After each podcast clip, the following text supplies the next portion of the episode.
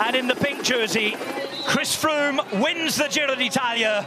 Rome has a new emperor.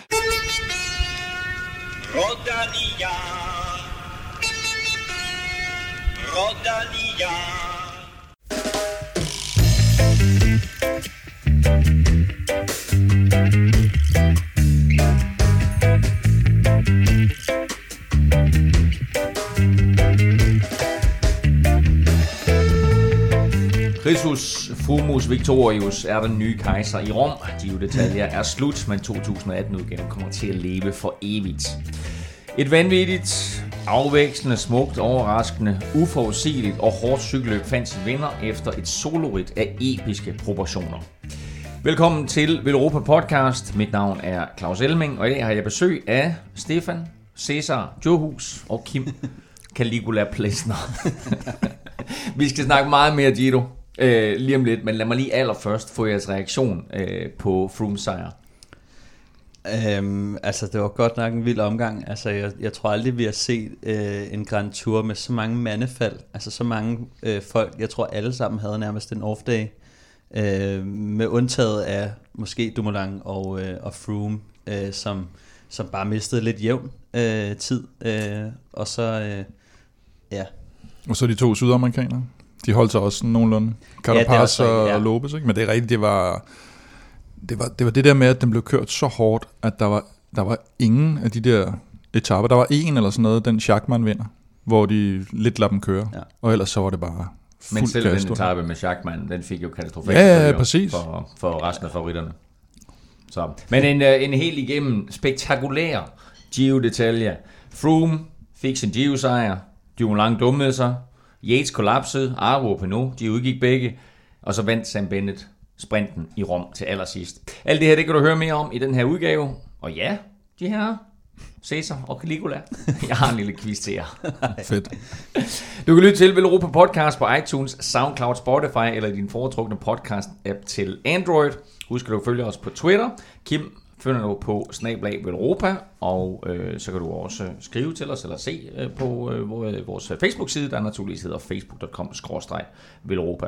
Og så er du naturligvis meget velkommen til at fortælle dine venner, familie og netværk om Velropa Podcast, så vi kan komme ud til endnu flere cykelinteresserede danskere.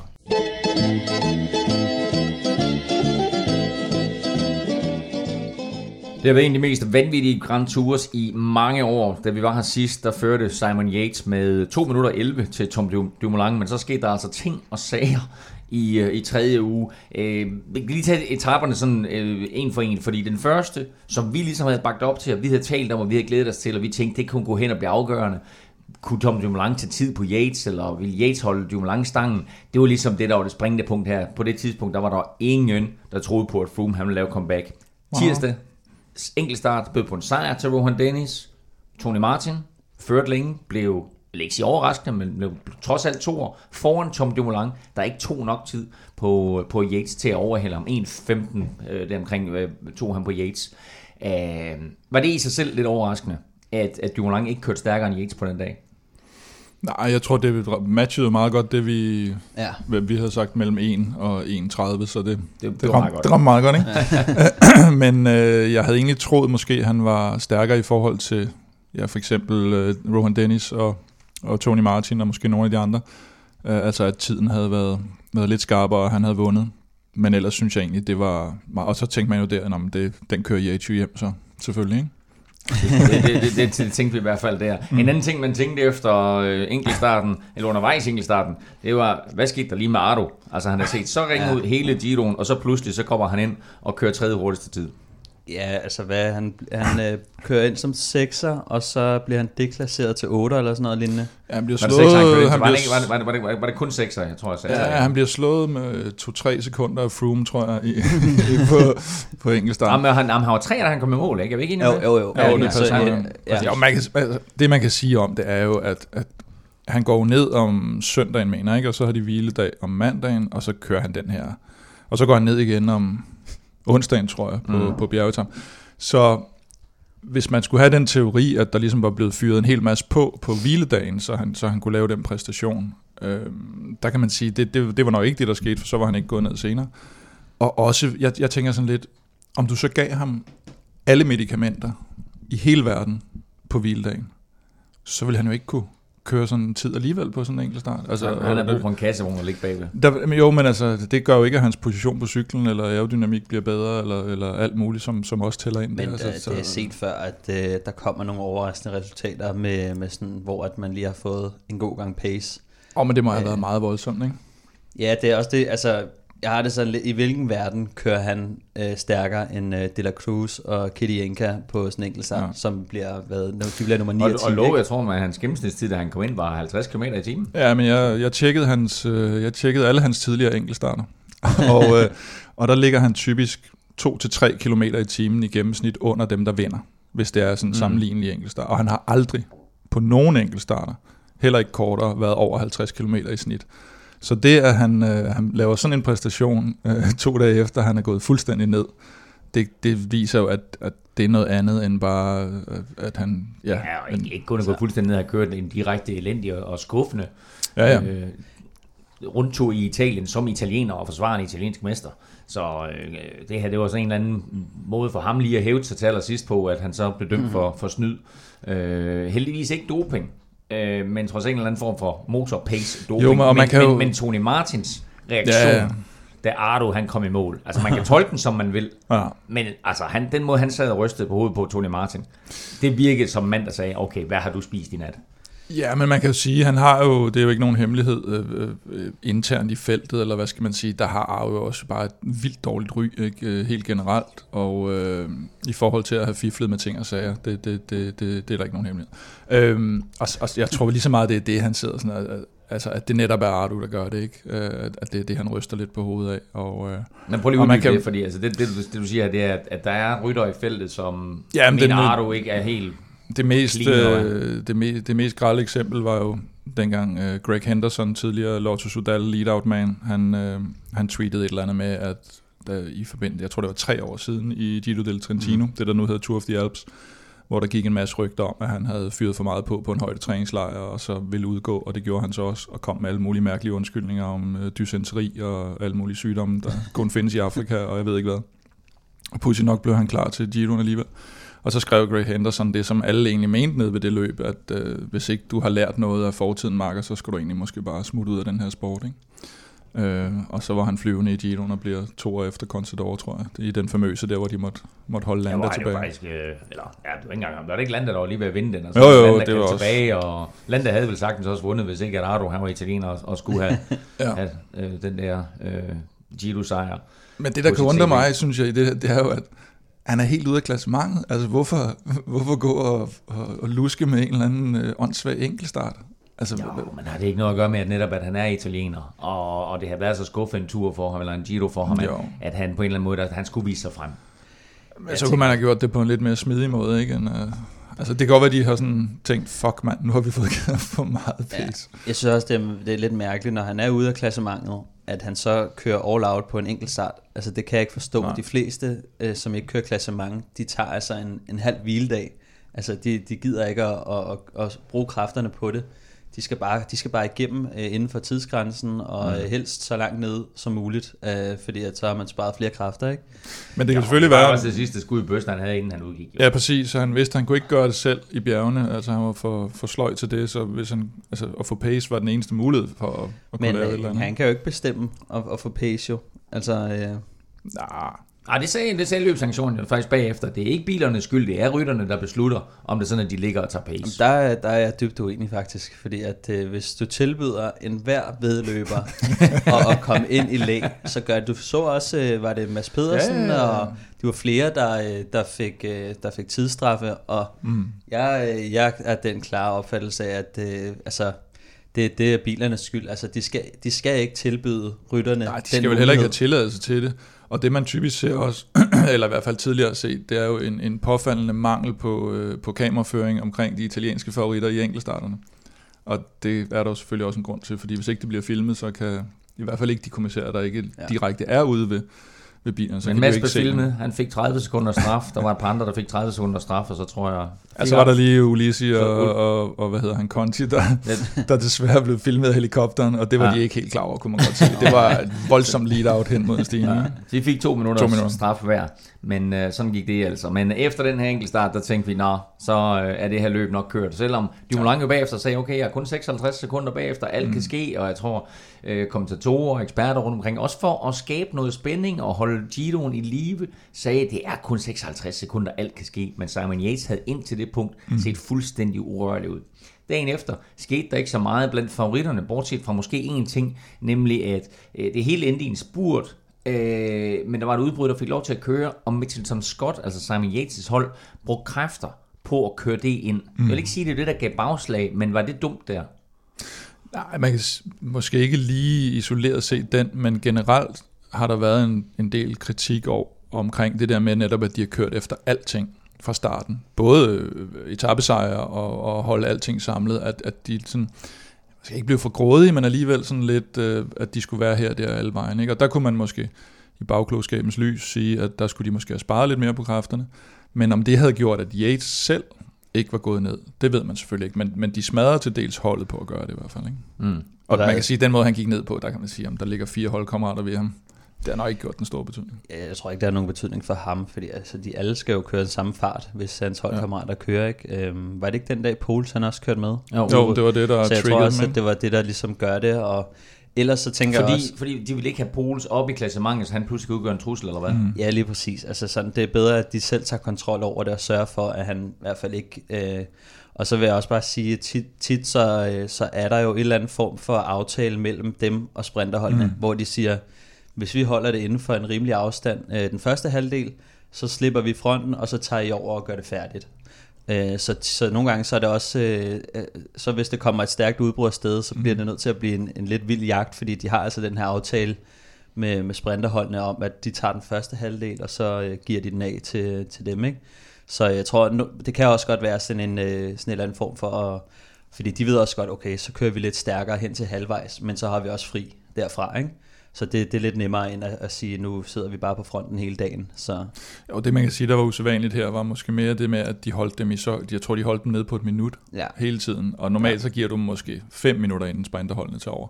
Men her var der også et utroligt stærkt udbrud, han sad med i. Altså det var nogle virkelig, virkelig Ja. stærke ryttere, og det vil sige, hvis de først får lov at køre, og de så ikke kan regne med sprinterholdene, så sidder de lige pludselig to-tre uh, Mitchelton Scott rytter og skal til at kæmpe mod måske 6-8 virkelig, virkelig klasse rytter foran. Ikke? Og så endte det hele på den her etape med, at øh, feltet kom samlet ind, og Elia Viviani øh, vandt spurten øh, i suveræn stil, viste sig som øh, den hurtigste mand i feltet, og vandt sin anden sejr, eller sin fjerde i alt faktisk, mm. øh, i, øh, i, i årets Giro, men den anden på italiensk grund vandt den, så begge etaper der i Israel, og så nu den anden på, på italiensk grund. Øh, og igen, solid arbejde af Michael Mørkøv. Mm. Ja, og endnu mere solidt senere, som Ja, vi kommer tilbage til. Men, Men, øh, det, det er den næste etape, vi kommer til lige om lidt. ja, øh, ja, og faktisk senere hen igen, synes jeg også, i, i- på etappen til her i Rom her, synes jeg også, han, han var rigtig godt... Øh... Vi er vi slet ikke nu, Kim? Nej, vi er der slet ikke. Altså, du, ved, du, du, synes, sejler det- rundt, du sejler jeg- rundt jeg- ikke? Vi, er, vi er i gang med springet, men lad os da hoppe til afslutningen på den her øh, Giro, fordi øh, 18., 19. og 20. etape blev ganske enkelt crazy. Det hele startede på 18. etape, hvor øh, der endelig var et udbrud, der fik lov til at køre, mm-hmm. øh, med blandt andet Michael Mørkøv i. Han endte 6'er på etappen, hvilket var øh, så rent flot, både 6'er på en sprinteretappe og 6'er på en bjergetappe.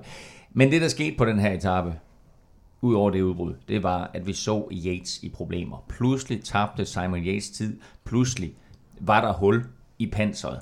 Mm-hmm. Hvad skete der helt præcist? Jamen, der skete det, at han, at han begyndte at krakelere, kan man sige, ikke? og det var meget mod slutningen, at han gjorde det. Og, øh, og efter sådan en, så, ja, så sidder det selvfølgelig i hovedet på ham, og han forsøger selvfølgelig selv at tale det lidt ned, og ja, han havde lige en, en skidt episode der, og det var bare lige det, og et eller andet. ja men, konkurrenterne, men konkurrenterne ser det jo, de ved det, han ved det selv, og så, så er den der mentale, det der mentale overskud, han bare har haft i hele Giroen, det er bare vendt på hovedet. Og det er med mig sjældent, man kommer tilbage fra sådan en. Dumoulin stikker på et tidspunkt, og så sætter Yates efter og annullerer angrebet og sender vel nærmest også sådan en blik med, hey, jeg er der. Mm. Men næste gang, der er angreb, der sidder han fuldstændig stille i Yates. Mm. Og der tror jeg, alle, der sad og så det her års Giro, de sad og råbte af deres tv. Hvad sker der? mm. vi, vi sad jo også og snakkede om det sidste gang, hvor at vi snakker om, at ville han være lige så aggressiv i den sidste uge, hvor at ja. vi blev enige om, at øh, han nok ville prøve at være lidt mere konservativ, fordi han havde brugt rigtig mange kræfter. Øhm, han blev rimelig konservativ. og han sagde også, øh, faktisk så dagen efter, at han selv var ude og sige, at I skal nok ikke forvente det store, fordi nu mm. begynder jeg at køre mere defensivt. Og så, øh, og så ser man bare, øh, altså nu har han jo siddet på alle mellemetapper og, og selvfølgelig bjergetapperne helt fremme. Altså, og det koster nogle kræfter at sidde i positionskampen fremme og være med om øh, at, at prøve at hente 10 sekunder ja. på de andre og sådan noget. Og øh, selvom han har været mega holdbar, øh, eller Yates-brødrene er generelt ret holdbare, så, øh, så så man altså kræfterne øh, løbe op der. Øh. Ja, for fordi han har ikke nogen, som ellers har været lidt fremme, han har egentlig ikke nogen historik for at gå ned i tredje uge, mm. i, i de få Grand Tours, han har kørt klassement. Men han har det, aldrig men, været i den position. Men han har aldrig været i den position, hvor hele det der øh, mentale pres også er der, og efter etaperne og interviews og den lyserøde føretrøje og så videre, og det, det er klart, første gang man har det, der, og et, der må et, det et, være... Et af det mentale pres, jeg er ikke sikker på, at det betyder så meget, øh, bortset fra, at det føler en ny oplevelse. Men man skal også have mærke til, at de første to, øh, to og en halv uge, der blev kørt på alle etapper. Han har været der hele tiden. Hans hold har skulle være der hele tiden. Han har ikke kunne få en fridag, som han måske har haft i nogle, altså fridag i godsøjne selvfølgelig, men altså, eh, som han har haft i de andre Grand Tours, han har købt. Her har han ligget i den lyserøde føretrøje, og når hans hold kørte, så kørte han, og når der var udbrud, eller ikke noget udbrud, men når der var angreb, så skulle han lugte. Og det har han gjort med bravur ind til det punkt. Men når man bare sige, to og en halv uge ind i et løb, der viser han svaghedstegn, og der viser han også, prøv at høre, det er bare svært at vinde sådan en Grand Tour.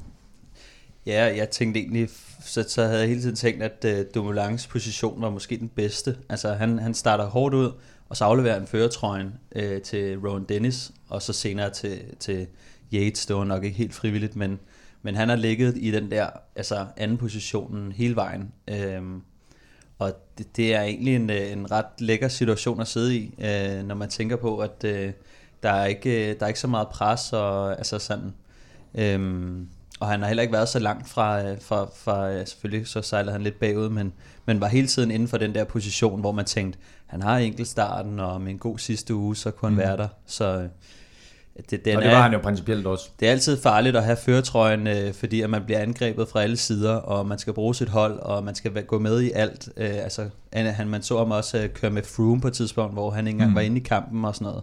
Så det er det der med, øh, man skal lige pludselig svare på alt, hvad der kommer. Og også, og også have erfaringen jo, til at vide, hvad er det, jeg skal svare på.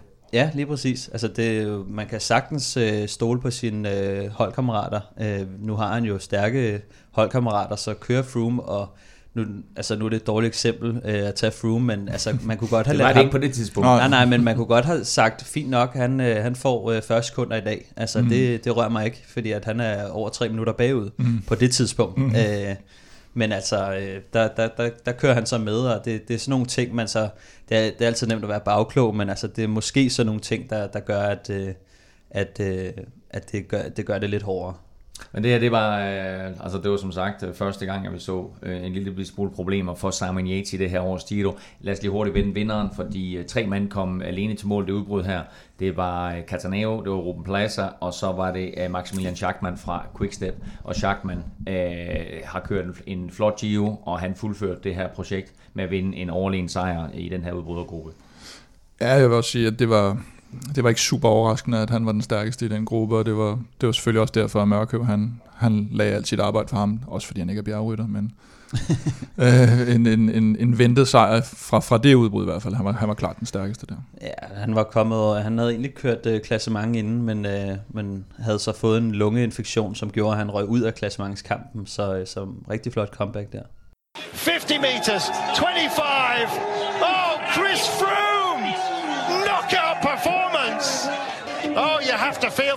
defending champion. Two names were written large at the top of this race before we even began in Jerusalem. Froome and Dumoulin. Nothing in that regard has changed, but our leader is Chris Froome.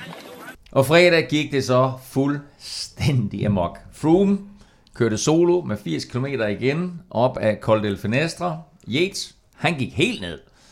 Og det var fuldstændig vanvittigt det her. Froome kommer i mål med over 3 minutter til det nærmeste og overtager den lyserøde føretrøje. Jeg tweetede, at det var den vildeste etape, så jeg nogensinde har set i øh, Grand Tour sammenhæng. Det var nogen, der var enige i, andre der ikke var enige i, men altså generelt set, så var det her episk. Ja, Ja. det var, det var det er en af de der vanvidsrit, som man godt kan kalde det, der har været nogle af i historien. Det er efterhånden noget, noget tid siden, og det blev sammenlignet med mange forskellige ting, og specielt selvfølgelig uh, Landis uh, i 2006. Og den synes jeg, de bevinder med den der, men, uh, altså, Jo, jo, men- de sammenligninger, jeg hørte, det var jo det var sådan lidt større. Det var sådan noget Eddie Merckx og, og Claudia Capucci og sådan noget. Ja, og Pantani, ikke? Øh, og, og, og, og det er der selvfølgelig... Det, ja, det er der jo alle mulige meninger om, kan man sige. Men det var i hvert fald... Altså, da han stikker med 80 igen, så tænker man, okay, alene Mm. med 80 igen, ikke? Det var sådan lidt, og de lå alligevel nogle stykker bagved, ikke? Og jeg tror egentlig også, de til at starte med undervurderede det lidt i den gruppe bagved. Øh, virker det lidt som om.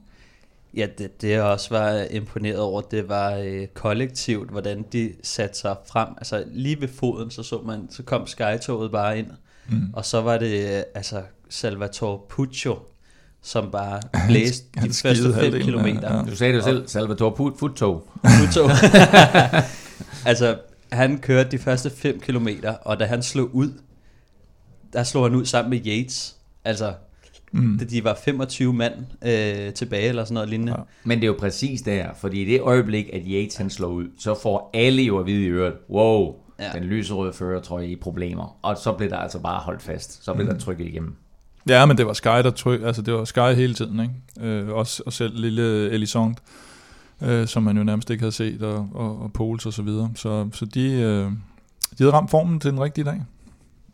Ja, og det var jo dybt frustrerende at se, at øh, Lopez og Carapaz, som sad sammen med, sammen med Dumoulin og, og Porto Vivo, de, øh, de gad jo ikke at tage del i det, fordi de havde jo opgivet. Øh, de havde lidt opgivet, og de kørte bare lad, efter lad, lad, lad, lad os vi kommer til det, så, så lad os bare lige rise op her, fordi der, der er rigtig, rigtig mange små aspekter, som jeg synes, Ja. der er super interessante ved den sejr her. Et, selvfølgelig, at han kører med 80 km igen. Det har vi aldrig nogensinde set før for Froome. Han har heller aldrig været i en position, hvor han var tvunget til at angribe på den måde der. Han havde udtalt, jeg vil vinde Giroen, jeg vil vinde turen samme år. Inden den her etape, der tænkte folk, okay, det kommer ikke til at ske. Altså, øh, det ligger stadigvæk til Yates eller. Så angriber han med 80 km igen. Han har, da de rammer toppen på øh, Finestre, der har han 40 sekunder så vinder han et minut nedad. Han tager et minut nedad på en femmandsgruppe, der ligger bagved, inklusive Dumoulin. Og Dumoulin venter lidt der på at få Reichenbach, Reichenbach op, tak. Øh, som kører som gammel, øh, som gammel dame, eller hvad det sagde, kører som gammel dame. Ja. Øh, til betragtning af, at Reichenbach han, øh, har haft et par alvorlige styrt på nedkørsler, så var det måske lige en hård kommentar nok, men det er så, hvad det er. Men som jeg sagde i starten, Dumoulin dummede sig, fordi han taber et minut på den her nedkørsel, og han taber omkring et halvt minut på den næste nedkørsel, fordi de skal have Reichenbach med, fordi Dumoulin, tror jeg, forventer, at Reichenbach kan yde noget øh, ned for neden, tage nogle føringer, som kan være med til at hente Froome. Froome blæser nedover. Det er omkring halvandet minut, måske endda lidt mere, som Dumoulin taber på de nedkørsler, og som Dumoulin selv sagde bagefter, jeg kører lige så stærkt nedad som Froome. Ja, det er også nemt at sige, når ikke man prøvede. Nå, men det kan... Jamen, Det, jamen, jamen altså, så, så, så lad os sige, at det er et minut, han, eller Ja. 30 sekunder, han taber alt og, så skal du tage... og så skal du trække det fra, som Reichenbach lå og tog føringer med nede i bunden. Og så Jamen, er vi ved at jamen, være, jeg, jeg, altså, jamen prøv at høre, jeg siger bare, jeg vil påstå, at Dumoulin kunne have kørt en enkelt start hurtigere, end han gjorde sammen med de fire andre, øh, han havde med der. Fordi de fire, to som Stefan siger, de tog ikke del i arbejdet. Reichenbach var ikke nogen gevinst for dem. De tabte tid på at skulle lade ham komme op. Dumoulin kunne have kørt det der hurtigere. Dumoulin, altså det er selvfølgelig er det en teori, og, og noget jeg sidder og påstår, Dumoulin havde ikke tabt 3,5 minut til Froome, hvis han havde kørt alene. Men du skal også tænke på, det, det er nemt at sige, at han kunne nok godt have kørt hurtigere. Ja, det er rigtigt. Men øh, hvis han nu havde siddet og, og ført hele vejen, så var han blevet smidt af de andre på stigningen. Mm. Øh, og jeg tror, han sidder lidt og håber på, at øh, nu venter de på ham her. Så tager jeg mig et lille hvil, og så henter vi tiden igen opad. Ja. Øh, og så har han måske også troet, at netop Carapaz og, og Lopez i hvert fald ville byde lidt ind, ja. øh, mere end de gjorde. Men de fik jo at vide, at deres sportsdirektør, det skulle de ikke gøre, de havde opgivet, at de vidste godt, de kom aldrig til at vinde. Det løb alligevel, så det var kun den indbyrdes kamp, de kørte om. Og, Og det, de, de udnytter jo også det pres, der ligger på Dumoulin. Altså sådan, det er ham, der i princippet bliver angrebet her. Ja. Øh, så det er ham, der lige pludselig Yates er væk. Det er ham, der sidder i positionen, som han har virtuelt føretrøjen. Så det er sådan, Den presset ligger på ham. ja. Ja. Og så, øh, så sidder de, de kan med rette sige, jamen vi gider sgu ikke. Øh, og, og han ved jo godt, selvom han sidder og skælder ud og, og synes, det er noget pjat, jamen så, altså, så tager han stadig føringerne. Altså sådan, så de, De, de tænker- har alibiet, jo, ikke? Altså, Ja, de, præcis. De, og man kan sige for dem, hvis man, hvis man kigger på det fra, fra Movistar og fra Starnes side, øh, så kan man sige, jamen, hvad vil de få ud af at hjælpe med at tage de føringer? Så vil de ikke vinde løbet, som de heller ikke ville gøre, hvis de ikke tager føringer, og de vil måske komme op på en podieplads, men det var af nogle helt andre grunde, det så kom til at ske. Øh, fordi Pinot sad jo med på det tidspunkt. Så, så det var først dagen efter, at det, at det At han gik helt ned.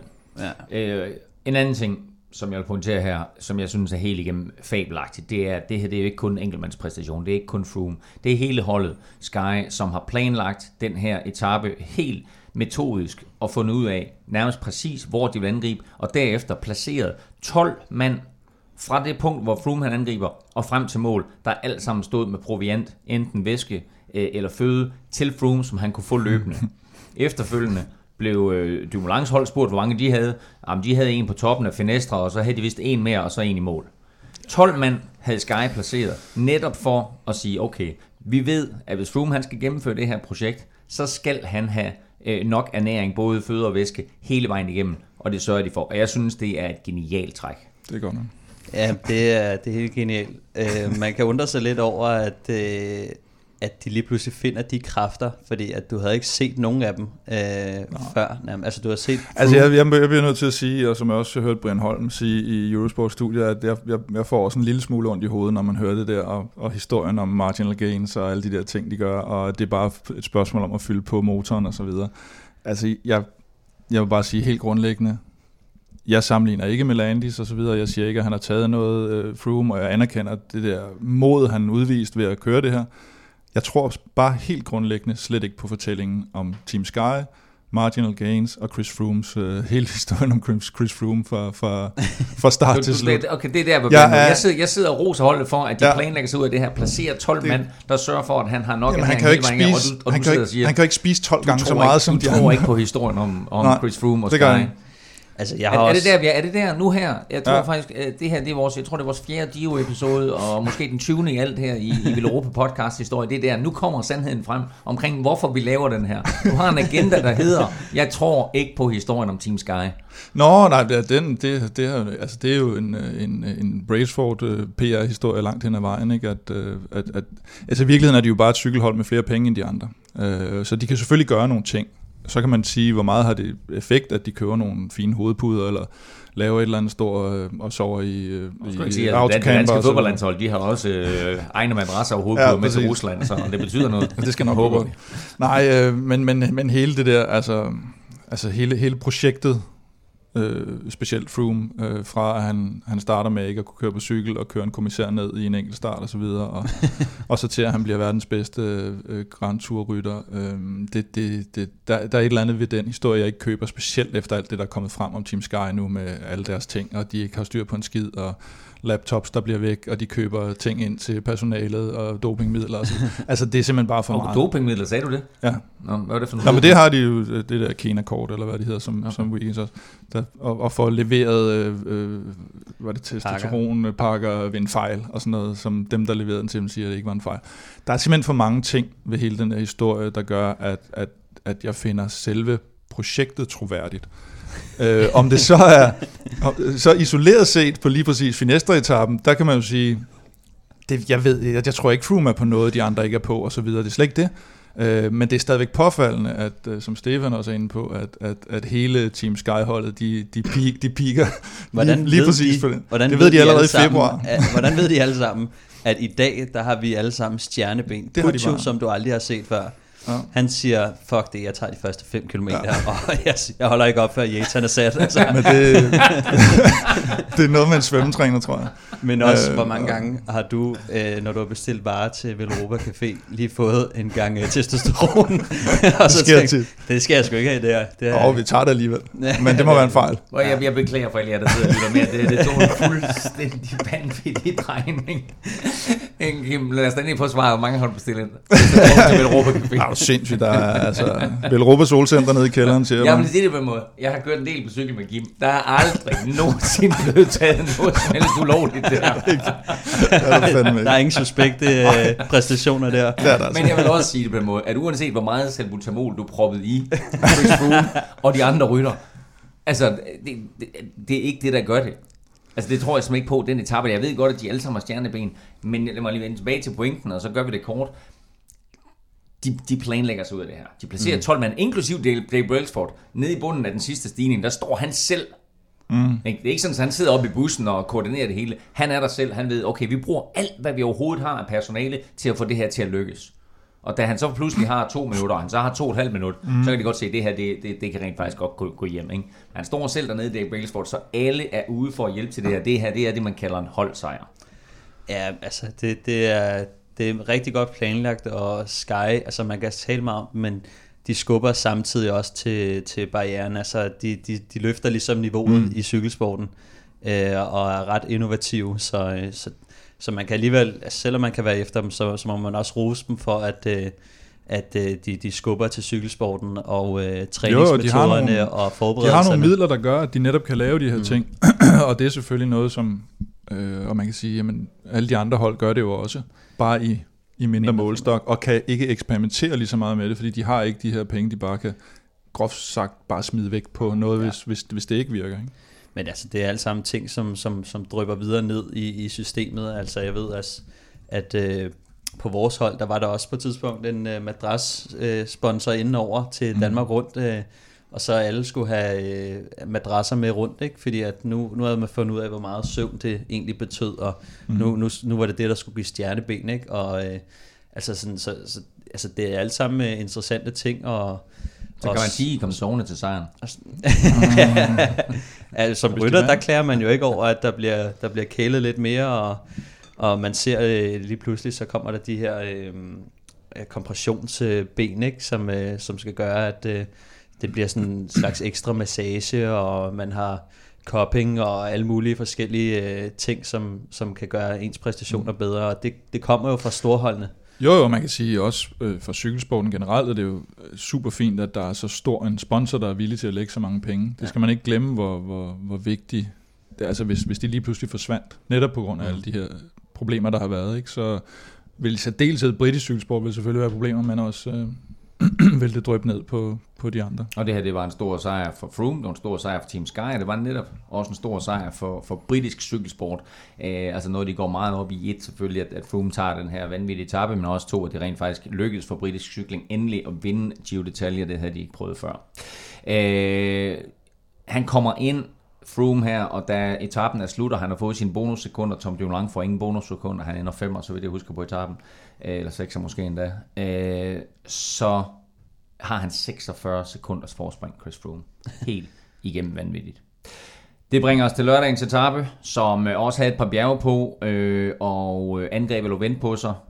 Dumoulin angreb på det sidste bjerg med omkring 9 km igen, øh, men Froome svarede igen, øh, igen og igen. Og en enkelt gang fik Dumoulin slået et hul, men havde ikke øh, pondus og kræfter til at, at udbygge ja. det hul. Froome kom op og viste sig også i sidste ende faktisk at, at have overskud til at slå kontra et par gange. Ja, og der, nej, der var aldrig rigtig tvivl om det vel. Øh, Dumoulin kørte helt klart med, hvad han kunne, og han gjorde, Altså, hatten han af gjorde det, han skulle. Ja, ja, altså, ikke? det, det, det, det, man kan ikke sige, at han sad og fedtede med noget, for han var helt færdig til sidst også. Ikke? Og han gjorde det, han skulle, og, og kunne, og, og der var bare ikke noget at gøre. Og igen er Froome jo helt ovenpå. Han har vundet turen mange gange før, og er, er vant til at være i den der position, så han får ikke øh, gummiben lige pludselig der til sidst, selvom han, han mister poles på et tidspunkt. Nej, men vi har jo Så- set der undervejs i Giroen her, at han havde klaret sig godt, og så har han gået helt ned dagen efter, så har han klaret sig godt, og så har han gået Ja. helt ned dagen efter. Og her ikke, der, der vinder han over tre minutter dagen før, som man kunne have håbet på. Øh, også ud fra, fra endnu øh, et drama, altså dramaturgisk fortælling i den her Giro, at han var gået ned, eller i hvert fald, at det var blevet tættere. Ja, det var det, der var Ja. muligheden, eller hvad skal man sige. Ikke? Ja, Dumoulin, han, han prøver jo. Det, altså, han skal prøve, og han prøver at, at have den af, for, for, for at han har kræfterne til at prøve. Og, ja, men øh, det, var- det var åbenbart ikke nok. Og prøv at, øh, altså, hatten af for, at han har kræfter til at prøve, men Stefan, altså, også en, en, en vild udvikling, Tom Dumoulin har taget her over de sidste tre år, at han pludselig er gået fra at være enkeltstartspecialist til at han er en af de her rytter, man skal regne med i, i Grand Tour sammenhæng. Ja, jeg synes, det er, det er en flot... Øh, det er en flot... Jeg tror faktisk, det kommer fra, fra Wiggins, altså der har vist, hvordan øh, enkeltstartsrytter, hvis de taber sig og så videre, at de kan faktisk øh, køre med, fordi det er de samme øh, egenskaber, som man bruger til at køre opad. Øhm, så øh, ekstremt flot, og øhm, jeg håber, at, øh, at, at han kan prøve i turen i dag, hvis, øh, hvis ruten øh, er til det med nogle enkeltstartskilometer på, fordi at så er han nemlig øh, en rytter, som, som kan udfordre Froome, og, øh, og det, øh, altså, man er jo lidt irriteret over at se på det der, den måde Froome han afgør det på, hvor han, han sidder med, og så venter han til enkeltstarten, og så hammer han bare øh, Quintana mm. med, med tre minutter. Og Men så, det var også det, der var så fedt ved den her Giro. Ja. Den var så afvekslende, den, at den, den udviklede sig på den måde med flere forskellige den lysrøde fører, tror jeg, og så selvfølgelig det her vanvittige solorit, og så Tom Dumoulin, der trods alt altså heroisk forsøger sig til sidst med alt, hvad han overhovedet har, og håber på, mm. at der er et, et, et lille bitte smule svaghedstegn mm. hos Froome, der så selvfølgelig ikke var der. Jo, altså, altså alt, øh, nu har jeg var jeg efter både Sky og Froome og det der, men, men oh, det, really? det til side, der fredagens etape var jo det, noget af det mest fantastiske, man har set i cykelsport øh, siden, jeg ved ikke engang hvornår. Mm. Altså, det var jo helt, helt vanvittigt fed etape, underhold, underholdningsmæssigt. Ja, du, du er klar, at vi er i gang med at snakke om lørdagens etape nu. Jo, jo, men øh, det var bare for lige at, at, at give det. Okay, nå, så, så du fortrød lidt, du ved. Nu skal Ej, vi tilbage ikke. og så sige, okay, det var faktisk en fantastisk etape. det, det, det var, det. 19. etape var vanvittigt, men 20. etape her øh, var også en flot etape, udviklede sig selvfølgelig ikke øh, øh, til nærmest på samme måde som 19. etape. Det blev en mano og mano mellem Froome og Dumoulin, som Froome viste stærk i stil, men etappen blev vundet af Michael Nieve, som øh, mm. jo havde været hjælperytter for Simon Yates, indtil Yates han gik ned. Og i det øjeblik, at Nieve han så ligesom fik frie forhold, mm. frie hænder, fri ben til at køre, så gjorde han det og, Stor. og vandt øh, på storslået vis. Stor klasse, øh, og man kunne godt se, at han, han, var, han var blevet bedre og bedre i løbet, faktisk i forhold til, til sine holdkammerater, der var blevet dårligere og dårligere, så han var også blevet sparet lidt, kan man sige, i forhold til dem.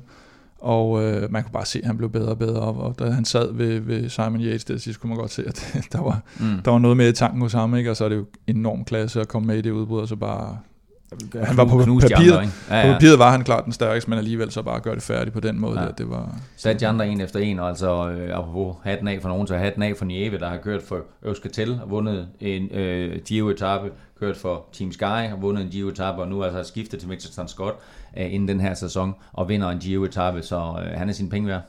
Ja, og øh, han har jo haft en dårlig periode, altså, øh, som, som han på flot vis kommer ud af. Øh, og øh, ekstremt flot, og altså Mitchell, uh, Mikkelton Scott, som vi kan sige uh, til ære for, for Jesper, vores uh, gode kommentering. uh, de har jo uh, de har jo kørt uh, fantastisk, altså de har fået så mange sejre, og de har fået så meget... Uh, ja. De har fået rigtig meget ud af det, jeg synes også, det var, det var lidt flot, at Yates han også var ude at sige, at uh, selvom han ville tabe føretrøjen, så havde det stadig været en, en, en succes, og, og jeg tror, at det, det er vigtigt, at man ikke øh, slår sig selv for meget i hovedet over at, at, tabe den på den der måde, fordi at, altså, det er, hvad der sker, og øh, det, det sker tit, at, øh, at folk går ned i, i en Grand Tour. Vi så jo, alle gik jo ned, altså ja. Pinot, på Vivo, mm. alle på skift. Så. Men jeg tror også, det er det med, at hvis han nu havde været 32, og det var ja. et af hans sidste skud ja, i bøssen, ikke? Altså han er, han er ung, og, og det vil sige, han ved godt, at han skal lige lægge lidt på endnu. Så han, øh, så Eller han køre klogere. Altså det ja, er ja, også præcis. erfaring, der ja, ja. betyder også meget øh, i sådan en Grand Tour. Men alt i alt fem etappesejre til uh, Mikkelton Scott uh, i, i det her løb. Tre til Yates, en til Chavez, og altså den her til Nieve, super flot af dem. Uh, historien på 20. etape var vel ud over uh, den her mano og mano mellem Dumoulin og Froome, uh, at uh, Thibaut Pinot ja. øh, blev ramt efter den her hårde 19. etape, så gik han fuldstændig ned med fladet øh, på 20. etape, måtte udgå med mhm. dehydrering. Ja, man kan sige, det, det var jo egentlig næsten mere normen, at, at folk på et eller andet tidspunkt gik ned, som vi også talte om i starten. Der var måske fire rytter, der ikke gik virkelig, virkelig koldt på et tidspunkt, og resten af feltet nærmest kollektivt gjorde det på et eller andet tidspunkt. Ja, og en af de ting, som vi ikke rigtig snakker om, det er øh, grunden til, at de går ned. Det er sådan noget med, at kroppen, den, øh, den vil bare ikke, den har mister appetit, og øh, man, altså, man bliver virkelig smadret, så det der med at miste appetit, det lyder så simpelt, altså sådan, hvorfor spiser du ikke bare noget og sådan noget, mm. og øh, altså jeg kender det godt, selvfølgelig i mindre format, men det der med, at man sidder foran øh, morgenmaden, man ved, at man skal have den her store portion øh, havregrød ned, og så sidder man der og nipper til den, og lidt mere sukker på, fordi det smager helvedes til, at og så, så begynder man at tænke sig lidt, hvad der jeg, jeg, jeg kan ikke spise mere nu, men øh, jeg, tager lige, øh, jeg tager lige noget med i lommerne, og så spiser jeg på vejen ud til starten.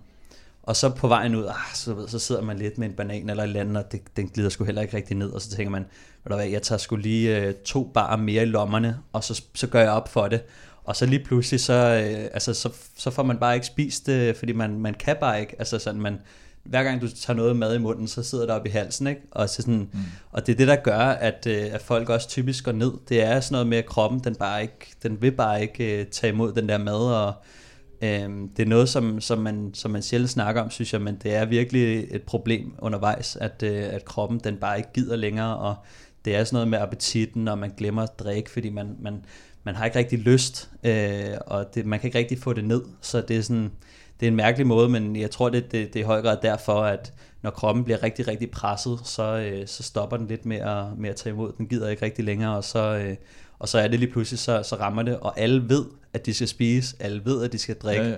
men det lyder så dumt, at man ikke øh, kan gøre det, men øh, det er bare et eller andet, det er et eller andet svært, og så begynder man at, at tænke kreativt og tænke, jamen, så, så gør jeg op for det, øh, så gør jeg op for det senere, og så til sidst, så, så får man det ikke gjort. Og, så, øh... og det kan godt være, at øh, Francis Desjeux, de ikke havde 12 mand stående ude på ruten der, men de satte, de satte, øh, de satte tre mand ned til øh, Thibaut Pinot, øh, og fik ham slæbt i mål, og hatten af for, at han rent faktisk kæmpede sig i mål, men blev direkte på hospitalet bagefter, med det hydreringer må, måtte udgå øh, af Giroen, så endnu et, et mandefald og endnu et bevis på, hvor hård den her Giro var.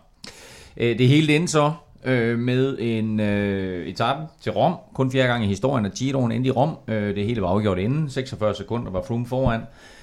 og øh, øh, den her etape til Rom, øh, jeg var en lille bitte smule overrasket. Jeg har faktisk ikke sådan helt, helt set det. Blev det neutraliseret, eller hvad skete der? Ja, de neutraliserede tiden, kan man sige, for, for alle rytter øh, på, på hele etappen. Og dem, der så havde lyst til at enten køre lead-out-tog eller sprinte med, de kunne så sidde med op foran, og så de andre sad, hvad, 10 minutter Ja, fordi den, den blev delt i to, ja. så man havde alle, alle favoritterne. Ja. Øh, og så havde, du, så havde du alle sprinterne op foran. Ja, hvad lå de? 30-40 mand eller sådan noget, der, der lå i ja, og spurgte om det. Det var ikke så meget. Og det, men jeg synes, at det blev stadigvæk en... Det, den måde, de filmede det op fra, synes jeg var helt fantastisk i, øh, i spurten. Også måske, fordi det var et mindre felt, man bedre kunne se, hvad der foregik men specielt øh, Nicola Bonifacio, ja. som, øh, som først ligger bag Mørkøv, ikke? og så Mørkøv, han giver ham lige en vinge der, så han ryger helt ud. Med 60, og så med, prøver, med 60 i timen, ja, ikke? Det var næsten ind i, ja. i barrieren, ikke? Og så prøver han at komme ind igen der med Viviani. Så giver Viviani ham lige en. Vup, ja. Så ryger han ud igen. Så prøver han at komme ind med Bennett. Bennett giver ham lige en igen. Så han bare sådan helt, fuck, tre mand, der bare har givet Og så sejler han ned som nummer 5-6 stykker, eller hvor meget han bliver. Ikke? Det var helt fantastisk at se det op fra. Altså det var altså virkelig illustration. Det var et, øh, det var et perfekt udført sprintertog af Quickstep, ja. men det bliver, for at øh, citere øh, en kommentator på Eurosport, det blev Sam Bennett, Sam Bennett, der vandt. Øh, og det gjorde han vel, fordi han gav Viviani lidt af sin egen medicin. Ja, han, lægger, han laver jo den der med, hvor de nogle gange afleverer Viviani i, i enden af, af de andre sprintertog, ikke? og så, så fandt han perfekt hjul på, øh, på Viviani, og, og der, der er han måske bare hurtigere, altså i virkeligheden. Øh, når... Ja, jeg tror, altså sådan, han har nok øh, lidt mere power og lidt mere topfart, men øh, det, der gør Viviani god, det er, fordi han har, øh, lidt ligesom Cavendish, han har et rigtig godt punch, mm. og han har en god timing. Og øh, noget af det øh, med timing, det kommer typisk også fra banen, øh, fordi man, øh, man bliver utrolig vant til at køre efter streg, altså efter stregen hele tiden. Og øh, og det er det, der gør ham god øh, ja. til at spurte faktisk. Øh, det er ikke så meget den der topfart. Han slår ikke en kittel i Nej, når de, ligger, når de ligger en og en ved siden af hinanden der til sidst, som i går, så, ja. så, så, så kan han ikke rigtig, kan man se. Ja, jeg tror, han, han mistimede den nok lidt. Ja. Altså åbnede den en smule for tidligt, og det er nogle gange det, som... Øh, når man kører sådan, så, så, så er det Rom, ikke? og det er den sidste store mm. etape, og så kan man nogle gange, øh, altså adrenalinen og sådan noget, kan nogle gange øh, gøre, at man, at man lige kommer til at, at åbne en tak for tidligt, og øh, det, det er utrolig svært at vurdere. Altså hvis man nogensinde har kørt en spurt med, med høj adrenalin og sådan noget, så ved man, at det, det er fandme svært at holde, øh, at holde det køligt, og, og man ved, at når din leader, man han begynder at miste lidt fart, så er det kun et spørgsmål om tid, før at der kommer folk udenom, og man ved som sprinter, det er det værste at blive lukket inde, øh, eller, eller der kommer en og, og løber ind over, ligesom man så øh, Maresco på en af de første øh, ja. sprinteretapper. Han kom lige pludselig med et overraskelsesangreb, fordi at farten var øh, sænket lidt. Øhm, og det er faktisk det værste. Så vil man hellere dø med skoene på øh, som sprinter, øh, og prøve, altså det der med at have fronten, det ved man, det, øh, det plejer at, at lede til gode ting. Så, øh, så jeg tror, det er måske derfor, han måske åbnede den tak for tidligt. Øhm. Jeg kender det godt faktisk, alle de gange, jeg har spurgt i Rom også. Det, det går næsten galt. Du mener, når du er alene ude at køre? I Rom. Nå, i Rom, ja.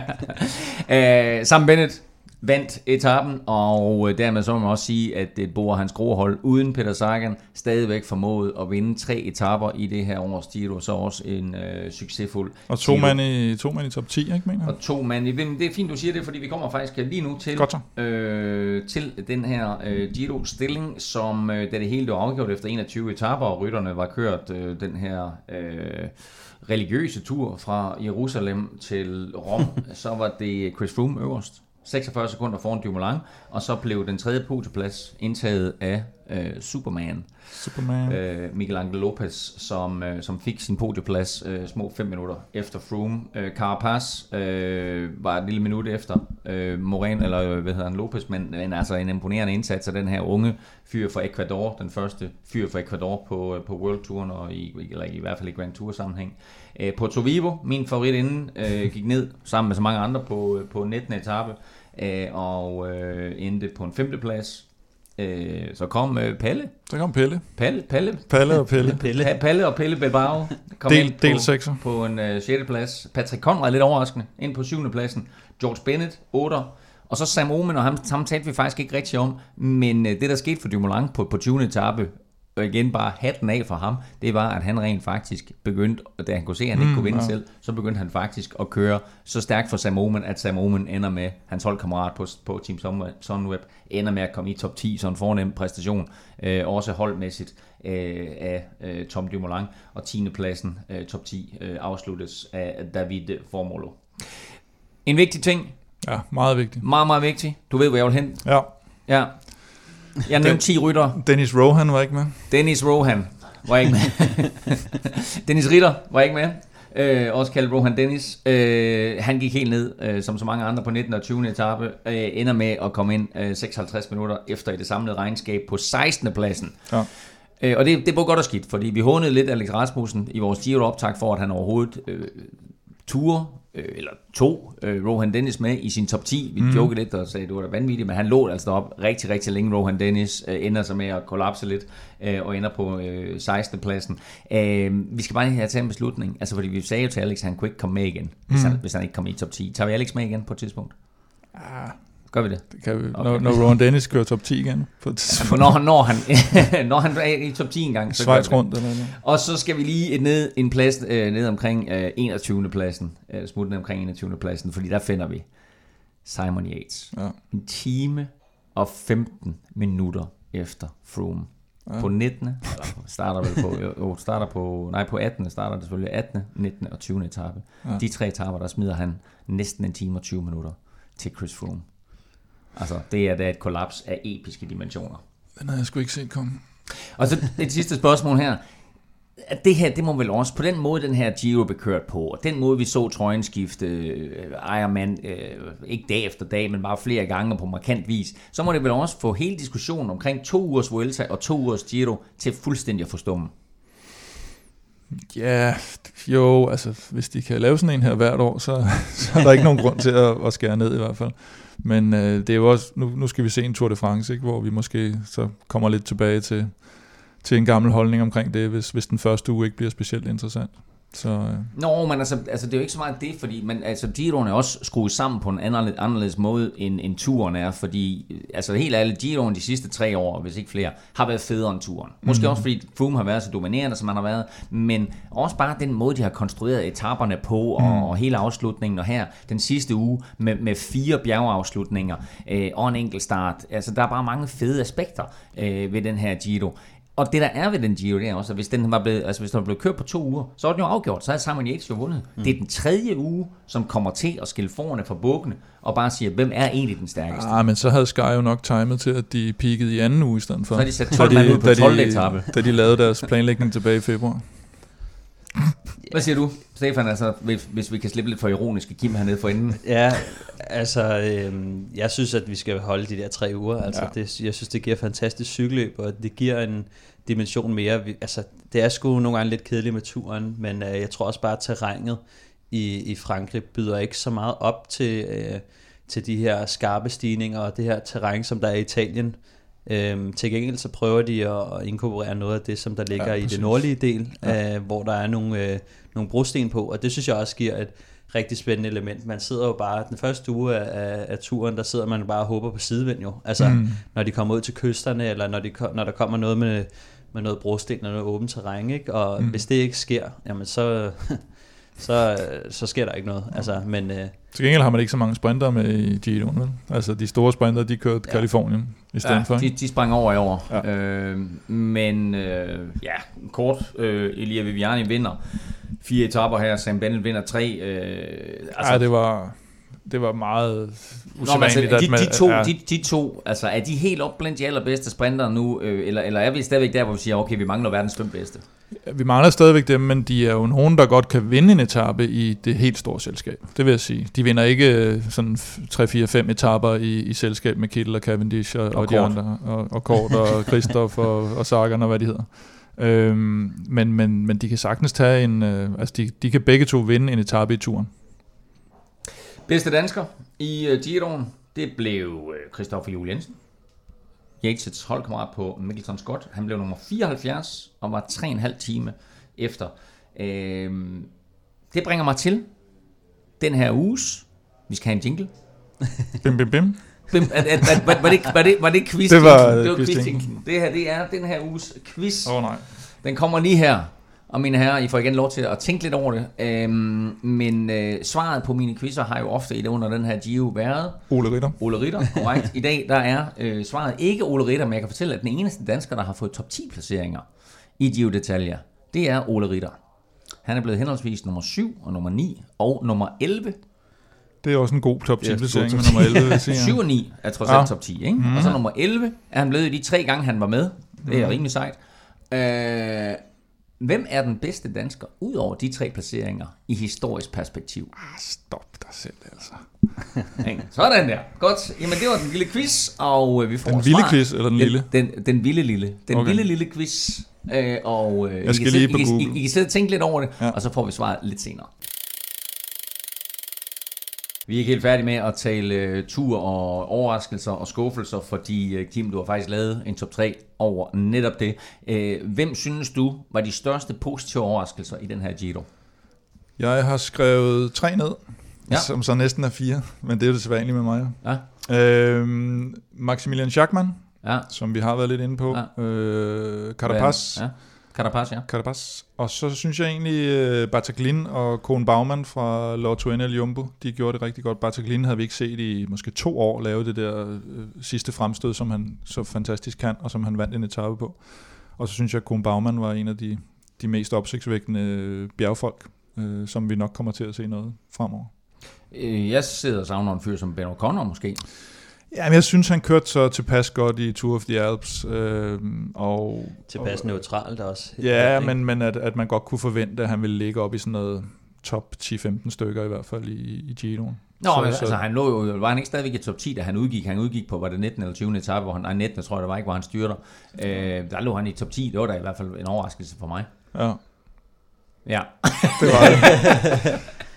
så er det konstateret, vi skal have din, vi skal have din skuffelse på banen også. Der, Ej, sige, skal vi starte med Ardu? Ja, vi starter med Ardu. Ikke? Det, var, det var på mange måder en skuffelse. Øh, den der måde, han, han gik ned på, og, og ja, men også så, alt det der fjolleri med enkeltstarten oveni, var, var næsten bare med til at gøre det endnu værre. Ikke?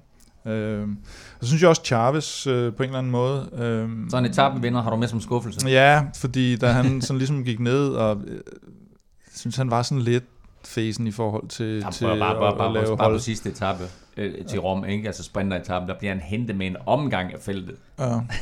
ja, men det, det, det var lidt øh, som om, at han, han helt bare stemplede ud, da han, da han stemplede ud. Ikke?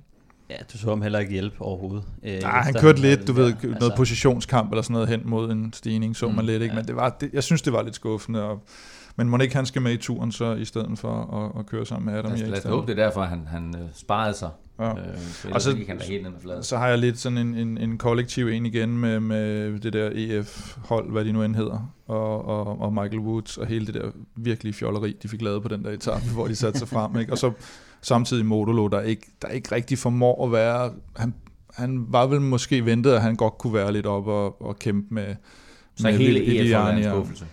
Ja, det, det, det, synes jeg måske egentlig godt, man kan, Men jeg kan synes sige. samtidig, så Modelo, han havde jo nok også gået lidt mere efter øh, forårsklassikerne og noget, øh, noget Paris-Roubaix i år, og sådan noget, så hans træning har nok også været lidt derhen af i stedet Ja. for. Og hvad, øh, hvad, hvad med sådan en fyr som Louis Manches? Jamen, han, hvis han nu havde kørt klassement, havde vi heller ikke lagt mærke til ham alligevel. Så det, han, han, han fortjener vel ikke rigtig at blive nævnt på den måde. Han er, han er sådan en uh, Subeldia gange to. Uh, Sådan en som øh, Brambila og Trick-holdet der, de har vel også skuffet rimelig meget. Ja, Brambilla kom lidt igen ikke, og fik kørt sig lidt i form, men, uh, men ikke, Ja. ikke super meget. Nej, Pantano kom heller aldrig rigtig ind i det. Og hvis vi ser på den sidste uge, så må man vel også bare sige, at øh, hele udviklingen af løbet og Froome sejr var Ej, også en, en, en gigantisk overraskelse. Ja, det må man sige, og, og positive, fantastiske tre etapper. Vi havde seks danskere med. Øh, alle kom i mål. Alle kom til Rom, så det var positivt. Det var Lars Bak for Lotto Sudal, eller hvad det nu hed i det løb her. Hvad hed det? Lotto Fixall. Øh, Christoffer Juel Jensen fra Mikkelson Scott, Mikkel Mørkøv fra Quickstep, Mads Wirt Schmidt fra Katusha, øh, Mads Petersen og Niklas E. begge to fra Trek Sigafredo, og så øh, har jeg faktisk godt Michael Mørkøv igen, så bliver det syv. okay. øh, nej, men det var, det, var, det var de seks. Øh, en, en kort evaluering, altså vi kan sige, Mørkøv jo øh, altså, er fabelagtigt kørende, kører Viviani til, til, til fire sejre, og har to, selv to 6. pladser Mørkøv. Ja, Ja. og stor andel i, i Schachmans øh, sejr. Så han var jo nok den, der var mest i øjnefaldene i hvert fald af, af, de rytter, og den, der havde den mest bundne opgave. Ja, jeg synes, han, øh, han, han har oppet sit niveau, øh, efter han er kommet væk fra, fra Katusha, og har måske været en af de bedste hjælperyttere i, i den her Shiv, så, øh, så rigtig, rigtig flot øh, gør det ham. En Christoffer Juhl, som jeg nævnte tidligere, bliver bedste dansker, og øh, er jo med langt hen ad vejen til at give sejre. Øh, og den lyserøde, både til Simon Yates og også en etappesejr til Chavez. Mm. Øh, og øh, altid med et stort overskud på målstregen, uanset hvor hårdt det har været. Ja, han kørte også øh, præcis som han skulle, udført sin opgave til perfektion, og, og det var, der var ikke... Øh, der var ikke, noget, der var ikke en finger at sætte på hans... Øh, og han kan, ikke gøre, han kan ikke gøre noget, da Simon Yates går ned. Han kan jo ikke, øh, han kan ikke Mm. trække ham i mål. Mads Wirtz får også en 6. plads i det her løb, og øh, vi havde lidt uh, Twitter-dialog med, med Mads der, øh, Kim, omkring, hvordan han glædede sig ufattelig meget til sneakers og cola, og vist nok også en pose Piratos. øh, men virkede også som om, at øh, han havde køreglæde og, øh, og overskud. Ja, man så ham også nogle gange ligesom stikke næsen frem og så videre. og Det, jeg tror da, han har fået blod på tanden, i, og, og man skal jo igen tænke på, hvor sindssygt hård en Grand Tour det har været Mm. det her. Altså ikke, ikke kun Giro-sammenhæng, men altså i, i alle tre øh, har det været virkelig, virkelig hårdt. Ikke? Så, så bare det, de kommer igennem og, og har en lille smule overskud, det, det er da ret imponerende, synes Jeg, jeg. jeg glæder mig til at høre, hvornår vi første gang kommer til at høre fra Niklas E. øh, og få, få, få ham til at sætte på ord på det her, for det må have været en vild oplevelse for ham at, at åbne sin Grand Tour-karriere med, med, med sådan et løb som den her Giro. Ja, jeg tror, han har fået lidt et chok over, hvor, hvor, hvor stærkt det går. Altså, han har jo ikke helt fået lov at køre med de helt store endnu. Øhm, så øh, så det, det bliver sjovt at høre, hvad han siger om det, men øh, alt andet lige, så tror jeg, at det er utroligt godt for ham at, at få Sion ind i benene, og ligesom få Wirtz, så og jeg tror, at det, det kommer til at skabe en god base for dem, øh, måske senere på året, eller i hvert fald de næste par år, øh, allerede at få en Grand Tour ind nu. Og ikke, at det betyder noget for Mads, men Mads Pedersen vel at mærke, men øh, han ender som, jeg tror, 5. eller 6. sidste, eller noget i den retning, fem timer efter. Øh, det var også en, en lidt hårdere oplevelse for ham i år, end det var sidste år. Ja, han kørte sådan lidt sit eget løb i år, kan man sige. Ikke? Og så, man så ham sådan flakse lidt rundt og prøve sig lidt af, og prøve at se, kan jeg nu gå med her? Altså, det var som om, han lige hele tiden testede, hvor, hvor formen var, og Og prøvede var at finde i udbrud den. på en bjergetappe. Og, ja, Den havde jeg trods alt ikke set komme. nej, og var også øh, i udbrud på en, hvor han så Jamen, jeg tror, han havde vel i hvert fald, han havde, altså i hvert fald to, hvis ikke tre udbrud, ja. ikke? Og, ja. og, og, prøvede trods alt, men, men det blev ikke helt øh, til samme succes, som han havde sidste år i, øh, i, i Giroen. Og sidste mand, Lars Bak, jo altid på en eller anden måde bare anonym, men jo altid bare super vigtig for sit hold, selvom mm. Lotto Sudal, fix all, ikke rigtig får det ud af, noget ud af den her Giro. Åh, eller hvad? Fik det jo ja, de fik vel. Nej, nu glemte jeg Vellens igen. Det var anden gang, jeg gjorde det. Nej, jeg synes, at de gange, hvor, hvor de havde brug for ham, der, der var han fremme, ikke? og også relativt sent på etaperne faktisk, øh, og køre en sådan noget semi-lead-out for, for dem, han nu skulle køre for, så øh, som altid en stabil indsats. Ja. Og vigtig for de andre unge danskere nede bagved, kunne man også se. Ikke? Jeg tror, at, han er øh, rigtig vigtig i snakken og, og for ja. at berolige de andre danskere. Altså, det, det skal man heller ikke glemme. Jeg tror, de har lidt en... Øh, jeg vil ikke sige kaffeklub, men jeg tror, de har sådan lidt en hyggeklub øh, i, i de etapper, hvor de ikke rigtig skal så meget, eller i hvert fald i starten. Så. Og det er sjovt, for jeg tror, det er virkelig, virkelig vigtigt det der. Jeg tror, der er nogle af de der unge drenge, der måske hænger lidt med mulen og tænker, det her det er ja. vanvittigt, ikke? Og så kommer de ned til Lars, og så siger han, tag den roligt på her. Fire dage, så er du i Rom, eller syv dage, så er du i Rom, ikke? Så, ja, eller så, så præcis, alle veje, alle veje ført til Rom i år. Men øh, det var altså en hurtig gennemgang øh, af de seks danskere, som er rigtig, rigtig flot, hvor jeg lige pointerer endnu en gang. Alle seks klarede det hele vejen fra Jerusalem til Rom. Vil du med på verdens bedste fodboldrejse? Så er det lige nu, du skal tilmelde dig VMPix på pix.dk. Det er super nemt at deltage. Du skal gætte et kryds eller to i kampene ved VM i fodbold, og derefter rangere kampene efter det, du tror mest på. Jo flere kampe og jo flere point du scorer, jo større er chancen for at vinde en af de mange præmier i VM Pix. Hovedpræmien er en plads på verdens bedste fodboldrejse til en værdi af 40.000 kroner. Anden præmien er et gavekort på 10.000 kroner til fodboldrejser.dk. Gå ind på pix.dk. Det er p i c k s.dk. Tilmeld dig VM Pix. Vind fede præmier og tæv dine venner, fordi håneretten aldrig går af mode. Du kan altså spille øh, VM Pix ind på pix.dk øh, i forbindelse med turen, eller undskyld, Giroen her. Der har vi selvfølgelig spillet Giro-spillet, og jeg gider ikke rigtig snakke om det. Øh, mit enkeltstartshold klarede sig ikke specielt godt. Øh, men øh, men øh, Kim, der skete jo det, at øh, ikke bare, ikke bare klarede du dig godt i Giro-spillet, du gættede også inden den her Giro på, at Chris Froome han ville vinde, og det så jo længe ud til, at det var et fuldstændig vanvittigt bud. Nej, den synes jeg, jeg holdt fast ved hele vejen. Ja, du holdt fast ved noget, du og, til, jo. Men, og det så sådan ud, synes jeg men, også. Men, men du endte jo rent faktisk med at reducere i den samlede stilling. Du fik en sejr også til Tom Dumoulin under, altså hvem Nej, bedst placerede. Det, hvem, det gør jeg. Du har Rowan Dennis, den fik ja. du? Ej, nej, nej, slet ikke fem, fem Vi henter, vi bider dig i haserne nu. Okay, så jeg har, jeg har nu sammenlagt tre sejre i de her små ting her, øh, de her små konkurrencer. Hvad har du? Kim, du har to. to. Og er du oppe på en eller to nu? En. En, okay. Så 3-2-1 står det i, i, i den her sammenhæng her. Og så lad os lige forvente uh, Giro-spillet. Hvordan endte uh, jeres lille ind? Fordi jeg var havde meldt mig ud af det der. Hvordan endte jeres indbyrdes kamp? Øhm, jamen, jeg fik jo langsomt halet mig ind på, på du Kim. overhalede mig? Overhalede Kim, og så tænkte jeg, at det fandme ikke nok. Jeg må højere op i uh, Velropa-gruppen. Og så gik jeg bare all in på, uh, på nogle af de der udbrudsetapper, og så, så kiksede det, fordi at uh, Mikkelton Scott, de ville sgu ikke uh, lade det køre. det, var, det var relativt tæt på, at, uh, at det var gået helt galt for mig faktisk, fordi jeg havde inden, jeg tror jeg skrev til Steven, siger, nu, går jeg, nu går jeg all in, så havde jeg sat Aru som kaptajn på den der efter oh, enkeltstart, fordi jeg tænkte, nu kører han bare, ikke? Nu kan han bare. Og så tænker jeg, nej, det er også for svagt. Så skifter jeg, jeg mod lige. jeg havde faktisk også med dagen efter. ja, Og så udgår han og får ja. minus 100. Holdt du fast i Froome? Du tog Froome på dit hold, holdt du fast i ham? Ja, ja, ham havde jeg med hele Okay, så det var, det var basis for det, sådan at du rent faktisk endte ganske ja, positivt. Ja, jeg tror, jeg endte som nummer 300 eller sådan et Ud af, hvor mange var der med alt? 6-7.000? Ja, 7.000. Så, så ikke, ikke prangende. Og jeg tror, at den bedst placeret i Europagruppen blev 7 overall, tror jeg. Så øh, det var Giro-spillet med øh, Rohan, Kim Plesner, Dennis øh, foran øh, Cæsar derovre, og så undertegnet på en absolut sidste plads. Æh, men øh, godt gået. Æh, vi skal til en anden dansker med øh, succes. Oh. Ole Ritter nævnte jeg tidligere. Ja. Har været øh, i top 10 to gange så det er samlet... Og også, også haft en 11. plads. Hvem er den bedste dansker, ud over de tre placeringer af Ole Ritter i historisk sammenhæng? I klassement. I klassement. Du har jo lyst til at sige Rolf, og det... det jeg har altid lyst til at sige Rolf. Jamen, så siger jeg jo... Øh, jamen, nu jeg, jeg har også kikset så mange gange ved, ved Jesper Skiby. Jeg bliver næsten jeg vil, sige, jeg vil sige Bjarne, inden du siger noget. Siger du Bjarne? Ja, det bliver jeg nødt til. Jeg tror ikke, han har kørt så meget klassement i Giro, men jeg, jeg kan ikke. virkelig tage fra. Jeg, jeg, jeg, jeg, jeg går sgu med Skiby så. Skiby, Bjarne. har vi en placering? Kan vi give dem? Hvad, hvad tror I, hvad er de endt? Ja, det er klart ind som nummer 17. 17. Jeg tror Yes. faktisk, du har ret i Skiby endte som 17 år. Ja. Jeg siger en, Om så var det, jeg mente. jeg siger en 10'er. 10'er. Ja.